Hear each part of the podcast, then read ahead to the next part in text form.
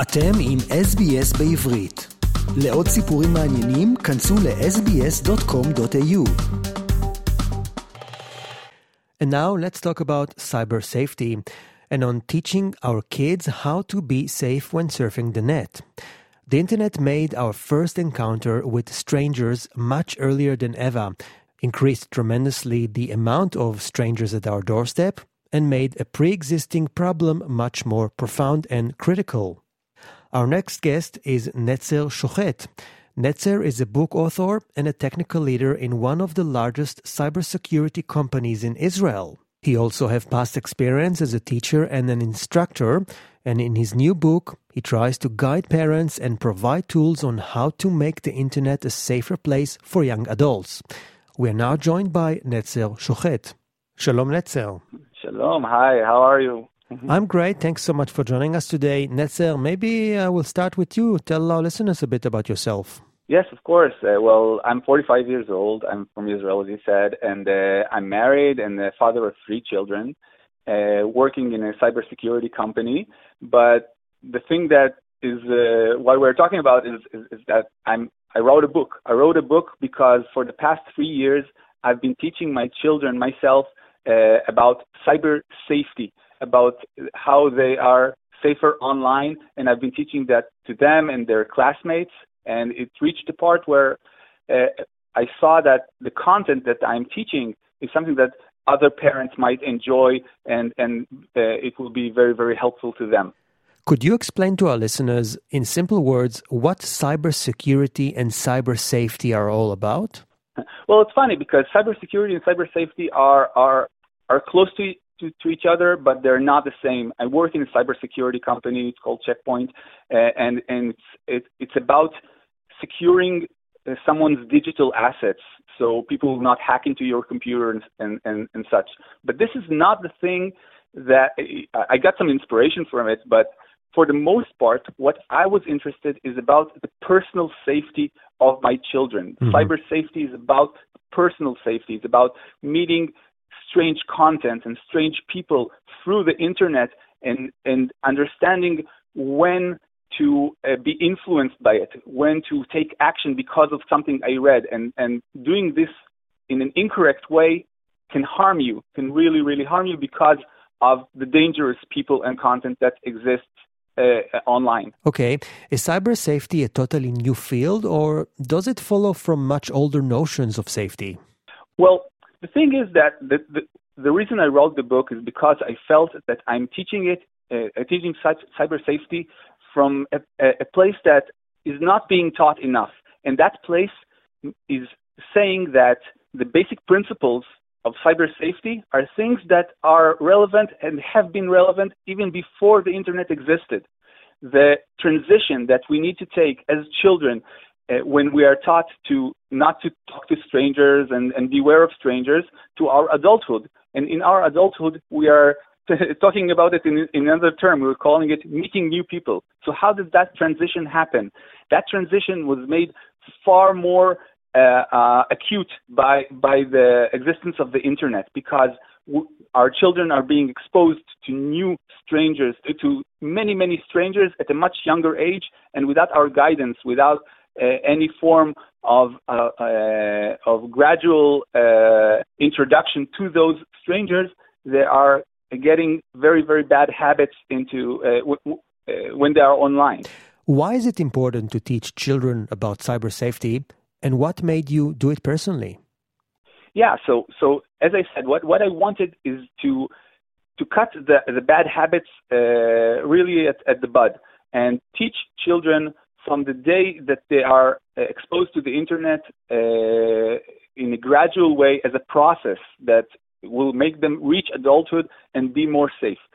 My, the, the place where I came into it was when my oldest child started being literate when he learned to first learn to uh, read and write, and that created a change in how the internet uh, uh, was to him. The internet became a doorway. It became a doorway, a doorway through which he could reach out to strangers.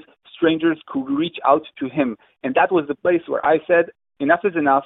I want to teach this stuff. I want to teach it in a very gradual way. I'm a very logical person, so I created all those uh, lessons in my head, and then I, I transferred them into uh, lessons I, I, I taught in their classroom. And all this experience led you to write a book called The Cyber Safe Child. Tell us a bit about this book. Yeah, the, the book actually takes you through the process that I took my children. I'm still taking them because they're still growing up.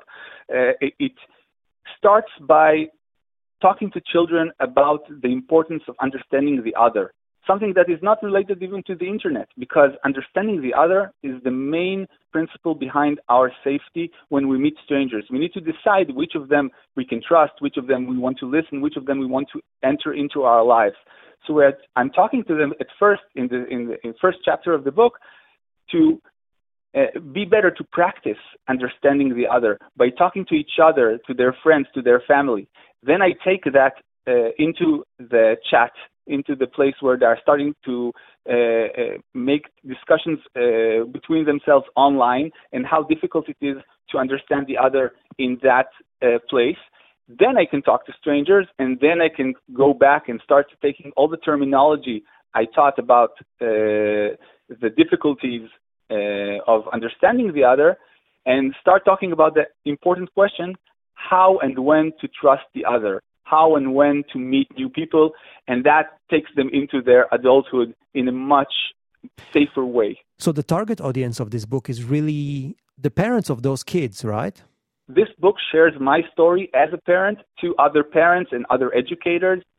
Yeah, and and and and it, even though I'm t- I'm telling about how I taught that uh, uh, uh, those uh, principles at school, every end of chapter speaks about what you can do at home and and that and that will t- give uh, parents, I hope, the tools and the terminology they need to do that discussion. And it's a very short book, so not to overburden us uh, very tired parents.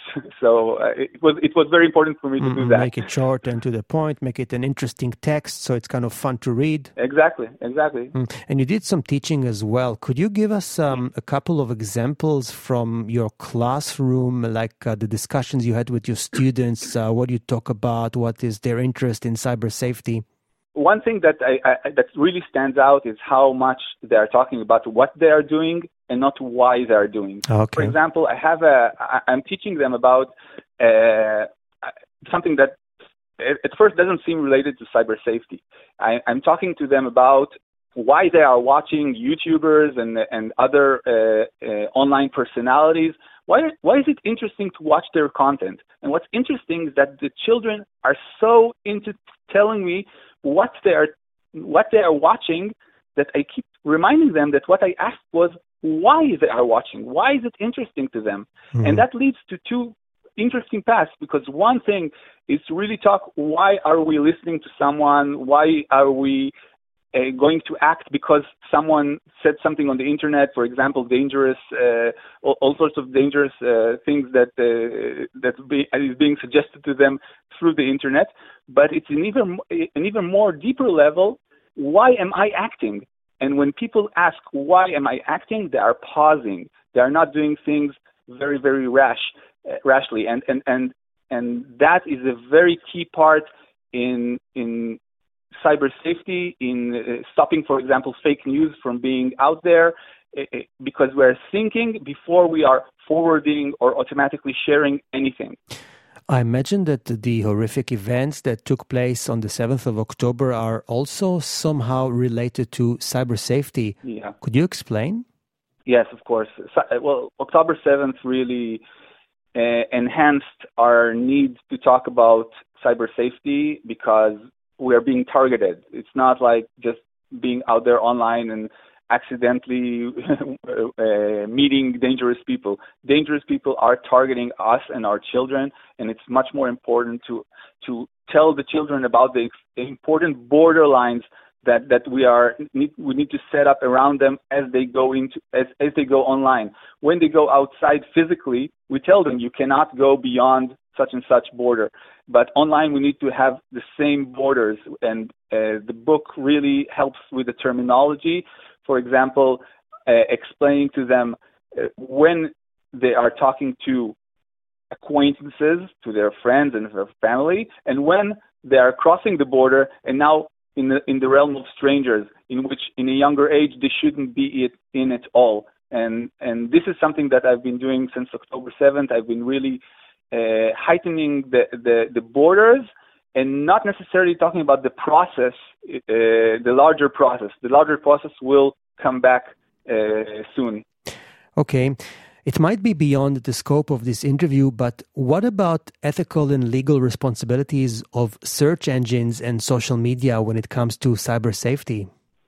Yeah, the, the, in my opinion, the the, the personal uh, uh, the personal obligations is, is much more important, and the reason is that if for some reason one of the social media uh, networks will decide to be altruistic and really think about cyber safety and, and not necessarily think of itself as a business, then a rival social network might uh, be created and they will pull in all the people who don't who didn't uh, give enough thought to the personal obligations we have for cyber safety. So that's that's I think that's a problem. But I do think that social networks can do some things. The most important thing I think uh, social networks can do is make it easier for you to speak only with profiles of friends and families. Right now, being on a social network is a statement, is a statement that I'm ready to meet new people. This is what I'm telling children. Because it's very, very hard to be in a social network and not to meet new people. The social networks are geared towards meeting new profiles, which can be fake and can be even bots and, and, and, and such. So uh, in, that enclosure is something that the social networks could do without, I think, damaging their business. Mm-hmm. To finish off, would you like to give us a useful tip on what is something that parents could do right now to check if their children are protected? Mm-hmm. Um, yeah. What would be a simple thing that anyone could do right now at home to make sure we are all safe? Yes, I, I think that uh, if I'm if I'm now heightening the, that those borders that I talked about earlier, then what what I'm telling people is to make sure that their children know if they are talking to someone else that they know or to a stranger. Now, for example, a, a, a chat like WhatsApp is something that is uh, based on the phone number. So recognition by phone number is much safer than recognition by profile. So I tell I tell parents that if you, if you can, try to uh, make the child stay within the parameters in which they know that they are talking to only acquaintances. This is uh, uh one of the uh, very important things that, uh, that, that can be, be said, and there are a bit more. Netzer Shohet, an author and a technical leader in one of the largest cybersecurity companies in Israel. We talked about your new book, The Cyber Safe Child. So thanks so much for the information. Good luck and let's stay safe. Thank you very much. עקבו אחרינו והפיצו אותנו דרך דף הפייסבוק שלנו.